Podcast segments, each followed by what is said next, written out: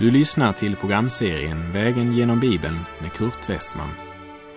Programmet produceras av Norea Radio Sverige. Vi befinner oss nu i Andra Petrusbrevet. Slå gärna upp din bibel och följ med. Vi avslutade förra programmet med följande påminnelse från aposteln Petrus. Städerna Sodom och Gomorra dömde Gud till undergång. Han lade dem i aska och gav så ett exempel på vad som skulle hända med det ogudaktiga. Du kan läsa i Första Moseboks 19 kapitel vad som i Guds ord är nedtecknat angående den händelsen. Det var köttet som Gud dömde i Sodom och Gomorra. Invånarna hade utelämnats till sodomi. Homosexualiteten var en godkänd del av samhällslivet. Och det beskriver Paulus så här i Romarbrevet 1, verserna 24 till och med 28. Därför utelämnade Gud dem så att de följde sina egna begär och bedrev allt slags otukt och förnedrade sina kroppar. De bytte ut Guds sanning mot lögnen och tog sig för att dyrka och tjäna det skapade istället för skaparen, han som är välsignad i evigheter. Amen. Därför utelämnade Gud dem till skamliga lidelser. Deras kvinnor bytte ut det naturliga umgänget mot det onaturliga. På samma sätt övergav männen det naturliga umgänget med kvinnan och upptändes av begär till varandra. Män bedrev otukt med män och fick själva ta det rättvisa straffet för sin förvillelse. Och eftersom de inte ansåg det vara något värt att ha kunskap om Gud utelämnade Gud dem åt ett ovärdigt sinnelag så att de gjorde sådant som är mot naturen. Aposteln Petrus skriver, städerna Sodom och Gomorra dömde Gud till undergång. Han lade dem i aska och gav så ett exempel på vad som skulle hända med det ogudaktiga. Och vi fortsätter och läser Petrus andra brev kapitel 2, vers 7 och 8. Men han frälste den rättfärdige Lot som plågades av det ogudaktigas utsvävande liv. Den rättfärdige mannen bodde nämligen bland dem och dag efter dag plågades han i sin rättfärdiga själ av att se och höra det onda som det gjorde. Lot var aldrig lycklig i Sodom. Men det skrämmande är att Sodom ändå hade sådan makt över honom att han inte frivilligt flyttade därifrån. Trots allt det onda han såg och hörde i Sodom var han inte villig att ge upp de ekonomiska fördelar han kunde uppnå där. Gud blev tvungen att tvinga honom därifrån. Jag är mycket tacksam för Petrus kommentar här i Petrus andra brev. För eljest hade jag inte vetat att Lot var rättfärdig. För det var inte något av det jag läste i Första Mosebok som gav intryck av att Lot plågades av det utsvävande livet i Sodom. Nu vet vi att Lot blev frälst. Men det är ju en tragedi att han valde att leva på en plats som kom att kosta hans hustru livet. Och när vi läser vad som hände efter att Lot och hans döttrar hade flytt undan fördärvelsen så skulle man nästan ha önskat att döttrarna hade stannat kvar där. För hela deras handlande och tänkande var djupt präglat av Sodoms gudlösa kultur. I vers 6 sa Petrus att Gud lade Sodom och Gomorra i aska för att ge oss ett exempel på vad som ska hända med det ogudaktiga. Och jag tror att både du och jag kommer att få två stora överraskningar när vi kommer till himlen. Överraskning nummer ett är att vi kommer att sakna många människor som vi var alldeles säkra på att de skulle vara där.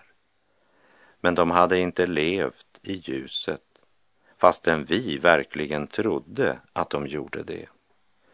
Den andra överraskningen kommer att vara alla dem som vi inte hade trott skulle vara där eftersom vi inte trodde att de verkligen var födda på nytt. För de hade inget klart vittnesbörd under sin livstid. Och just Lot är ju ett exempel på det.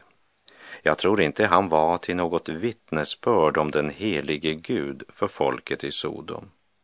För själva det faktum att han bosatt sig i Sodom och valt att leva där tog ju udden av vittnesbördet. Därför kunde inte heller hans svärsöner ta honom på allvar när han plötsligt började tala om Sodoms undergång. De trodde helt enkelt att han skämtade, som vi minns från Första Mosebok kapitel 19. Och om jag inte hade haft något mer än Första Mosebok så hade jag nog inte räknat med att Lot blev frälst. Men Petrus säger att Gud frälste den rättfärdige Lot. Petrus säger också att Lot dag efter dag plågades i sin rättfärdiga själ av att se och höra det onda som det gjorde. Tänk så mycket synd och orenhet han dagligen blev vittne till. Bara tänk på all orenhet som dagligen fyllde hans syn och hans hörsel. Och ordspråket säger ju, säg mig vem du umgås med, så ska jag säga dig vem du är. Till de troende i Efesus skrev Paulus följande förmaning. Men otukt och allt slags orenhet eller girighet ska inte ens nämnas bland er. Det anstår inte det heliga. Inte heller passar sig fräckt och oförnuftigt prat eller tvetydigt skämt. Tacka istället Gud. Lots lycka, det var att han hade en släkt släkting som Abraham som inte kritiserade honom för allt han gjorde eller inte gjorde, utan som istället bad till Gud för honom. Och här har vi alla mycket att lära. Det finns predikanter som kritiserar allt och alla och som talar mera om alla vägar som för vilse istället för att undervisa om den rätta vägen. Abraham bad för Sodom. Abraham bad Gud spara staden på grund av det rättfärdiga som bodde där. Till sist var Abraham nere i tio rättfärdiga. Och Herren han lovade att om det fanns tio så skulle staden skonas.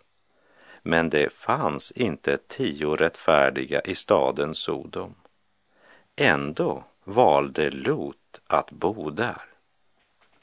Och han blev så avtrubbad och så bunden till Sodom att när Herrens ängel sa stig upp och ta med dig din hustru och dina båda döttrar som är här så att du inte går under genom stadens synd, då står det när Lot dröjde tog männen honom vid handen tillsammans med hans hustru och hans båda döttrar, ty Herren ville skona honom. Det säger oss att trots varningen hade han ändå inte lämnat Sodom om inte Herrens ängel tagit honom vid handen. Och texten i Första Mosebok 19.6 säger, det förde honom ut och först när det var utanför staden släppte det honom. Lots hustru förde de också ut, men när de släppte hennes hand så var dragningen till Sodom så stark för hennes hjärta att hon vände sig om och hon blev till en saltstod.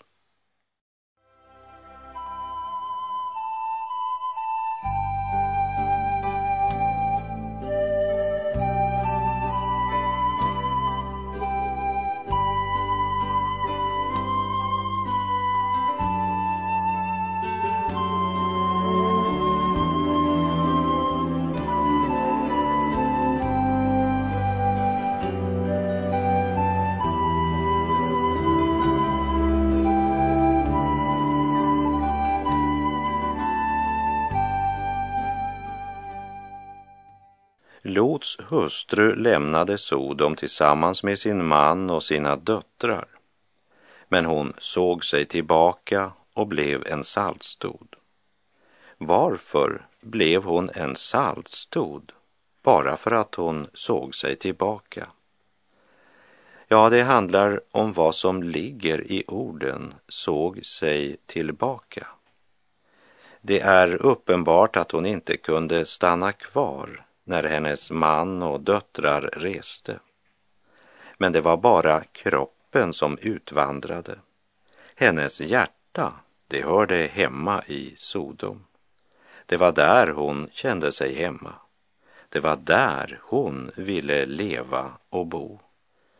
Jag tror inte att hon likt Lot plågades i sin själ av att se och höra det onda som utgjorde vardagen i Sodom. Likt sina svärsöner trodde hon att talet om Guds dom över synden i Sodom, det var bara ett skämt. Därför stod hennes längtan till Sodom. I Sodom hade hon sin skatt och sitt hjärta. I sin bergspredikan sa Jesus i Matteus 6.21 Ty där din skatt är, där kommer också ditt hjärta att vara. Det är viktigt att vi verkligen lägger märke till det som Petrus här försöker lära oss. Genom den illustration som ligger i Lots räddning. Innan Guds dom går över vår värld är Kristi brud upptagen till Kristus. Men innan Guds dom går över denna syndens jord så kommer Antikrist och vilddjuret att träda fram. Och i Uppenbarelsebokens trettonde kapitel så står det och åt vilddjuret gavs makt att strida mot det heliga och besegra dem. Och det fick makt över alla stammar och folk och språk och folkslag. Alla jordens invånare kommer att tillbe det. Alla som inte har sitt namn skrivet i Livets bok, som tillhör Lammet som är slaktat från världens grundläggning. Den som har öron må höra. Men Antikrists tid är begränsad. När Guds dom drabbar honom besegras han av Lammet. Men Guds barn är fritagna från denna dom ty straffet är lagt på Kristus som försonat alla våra synder. Därför ska han också rädda alla som tagit sin tillflykt till honom. Precis som Gud förde Lot ut ur Sodom innan staden ödelades. Men innan denna räddning plågades Lot var dag i sin rättfärdiga själ av att se och höra det onda som det gjorde. Vi läser Petrus andra brev kapitel 2, vers 9. Herren vet alltså att rädda det gudfruktiga ur prövningen, men också att hålla det orättfärdiga i förvar under tuktan fram till domens dag. Herren låter både vetet och ogräset växa tillsammans fram till domens dag, som det står i Matteus 13, vers 30. Låt båda växa tills det är dags att skörda. när skördetiden kommer ska jag säga till dem som skall skörda. Rensa först bort ogräset och bind ihop det i knipp knippen att eldas upp.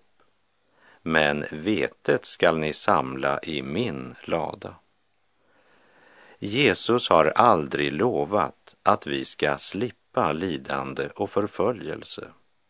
I Johannes 15.20 säger Jesus Kom ihåg vad jag har sagt er.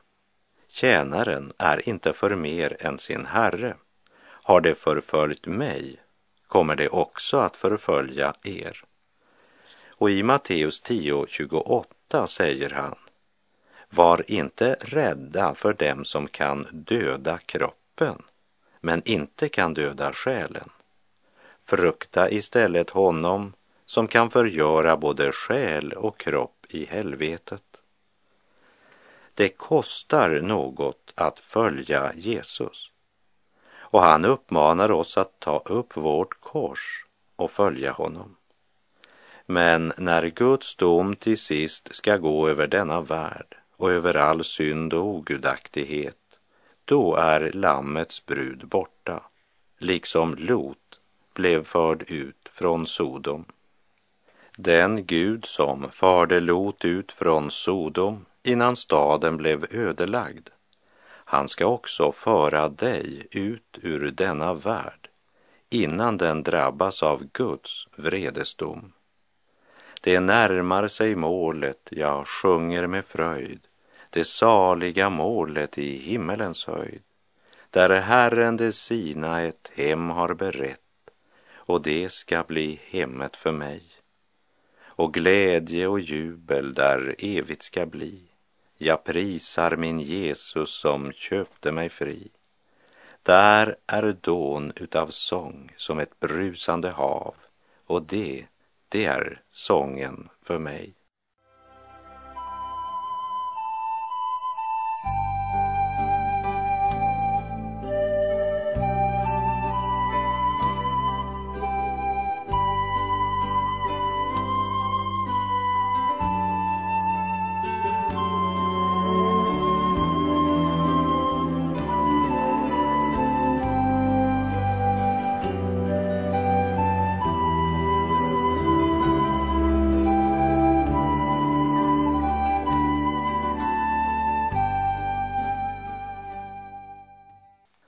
Petrus sa att Herren vet alltså att rädda det gudfruktiga ur prövningen, men också att hålla det orättfärdiga i förvar under tuktan fram till domens dag. Och så fortsätter han vers 10 och 11. Särskilt dem som i orent begär följer sin kötsliga natur och föraktar Herren. Fräcka och självsäkra skyggar det inte för att smäda höga makter, under det att änglar som står högre i fråga om makt och styrka inte uttalar någon smädande dom mot dem inför Herren. När Gud förkastas förblindas människan så totalt att hon finner sin glädje i det vulgära, det orena, grymma och brutala. Då blir våld underhållning och oärlighet kallas smarthet. För en tid sedan så kunde man läsa följande reklam för en film. Lögn, korruption, äktenskapsbrott, hat, intriger och allt annat som gör livet spännande, den måste du se. Tänk när allt som är inspirerat av lugnens förste räknas som något som gör livet spännande och värt att leva. Då är man redan blind för den sanningen att Gud skall döma synden. Man är fräcka och självsäkra och skyggar inte för att smäda höga makter. Ja, även Guds bespottelse har ju blivit underhållning. Det följer sin kötsliga natur, skriver Petrus. Det vill säga, de kommer att göra som de själva vill på alla områden i livet. De är sin egen Gud och deras självsäkerhet och fräckhet växer i takt med att denna värld ger dem sin uppmärksamhet och sin beundran.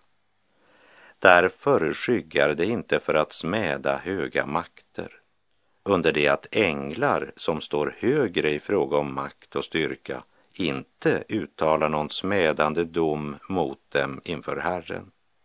I Judas brev så skriver Judas om en händelse när ärkeängeln Mikael diskuterade med Satan angående Mose kropp. För Satan ville inte att Mose skulle vara med på förklaringsberget. Och i det sammanhanget skriver Judas i vers 9. Men när ärkeängeln Mikael tvistade med djävulen om Moses kropp vågade han inte uttala någon smädande dom över honom utan sade må Herren straffa dig. Petrus talar alltså om sådana som smädade änglarna och de makter med vilka Gud styr universet. I sitt högmod och i sin dårskap uttalar de stora och fräcka ord och får världens bifall. Man kan ibland få höra troende människor som nonchalant talar om djävulen och närmast gör narr av honom. Gör inte det, utan lyssna istället till Petrus ord om att inte ens ärkeängeln Mikael gör det. Trots att han är så upphöjd gör han inte det. Då borde inte heller en liten människa på denna syndens jord göra det. Hör nu vad Petrus säger i Petrus andra brev kapitel 2, vers 12. Dessa människor är som oförnuftiga djur, av naturen födda till att fånga och döda. De smädar vad de inte känner till och kommer att gå under genom sitt förfall. Som djur skall de också gå under. I vår tid finns det ju många som hävdar att vi härstammar från djuren. Men både gamla och nya testamentet gör det helt klart för oss att människan som skapats till Guds avbild är efter syndafallet i stånd att leva på ett lägre nivå än djuren. Och Petrus ger lite längre fram i det här kapitlet en illustration av just det. Det smädar vad det inte känner till, säger Petrus.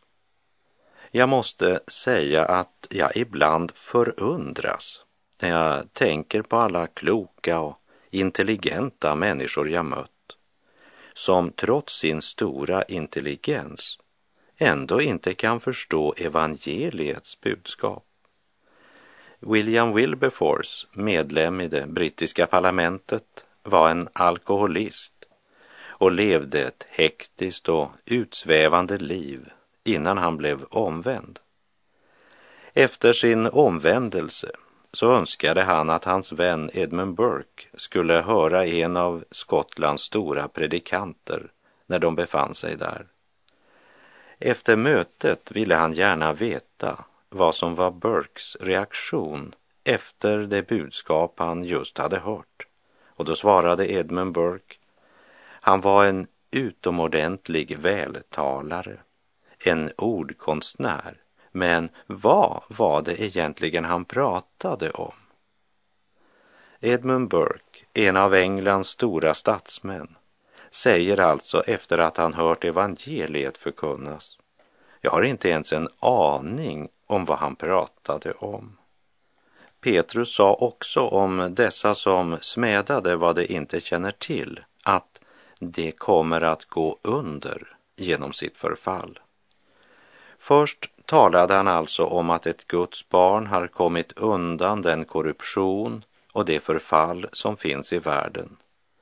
Men dessa har inte kommit undan utan är fångade av korruptionen och förfallet. Luftföroreningarna har man kanske förstånd att bekämpa.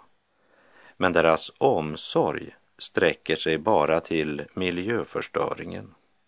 De ser inte det inre förfallet i sina liv. Ty den här tidsålderns Gud har förblindat det otroendes sinnen så att de inte ser ljuset som strålar ut från evangeliet om Kristi härlighet, han som är Guds avbild, skriver Paulus i Andra Korinterbrevet 4, vers 4. Det hjälper inte att anamma religiösa ritual och traditioner om man inte lever i ljuset.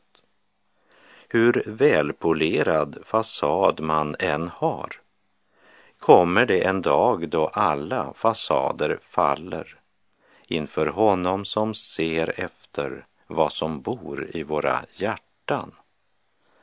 Liksom Gud räddade Noa eller Lot kan Gud också frälsa dig och mig undan den anfäktelse som lidande och världens fiendskap bereder oss. Men det fräcka och upproriska, orättfärdiga och egensinniga på Noas tid, såväl som Sodoms invånare, mötte Guds dom. Skulle då inte den Gud som är helig och rättvis med samma allvar fälla domen över vår tids bespottare och ogudaktiga. Det smädar vad de inte känner till och kommer att gå under genom sitt förfall. Som djur skall de också gå under, säger Guds ord. O syndare, var har du din tillflykt? Och vad vill du göra idag? Du lever för rikdom och ära, är offer för världens bedrag. Men tänk på din själ som så fattig ska vandra den eviga stig. När stoftet försvinner i graven är glädjen i världen förbi. Vad gagnar din jordiska rikdom och skatt när själen går in i den eviga natt? Och med det så är vår tid ute för den här gången. Jag säger på återhörande, om du vill, och om Herren ger oss båda en ny nådedag. Sök Herren medan han låter sig finnas. Åkalla honom medan han är nära. Herren vare med dig. Må hans välsignelse vila över dig. Gud är god.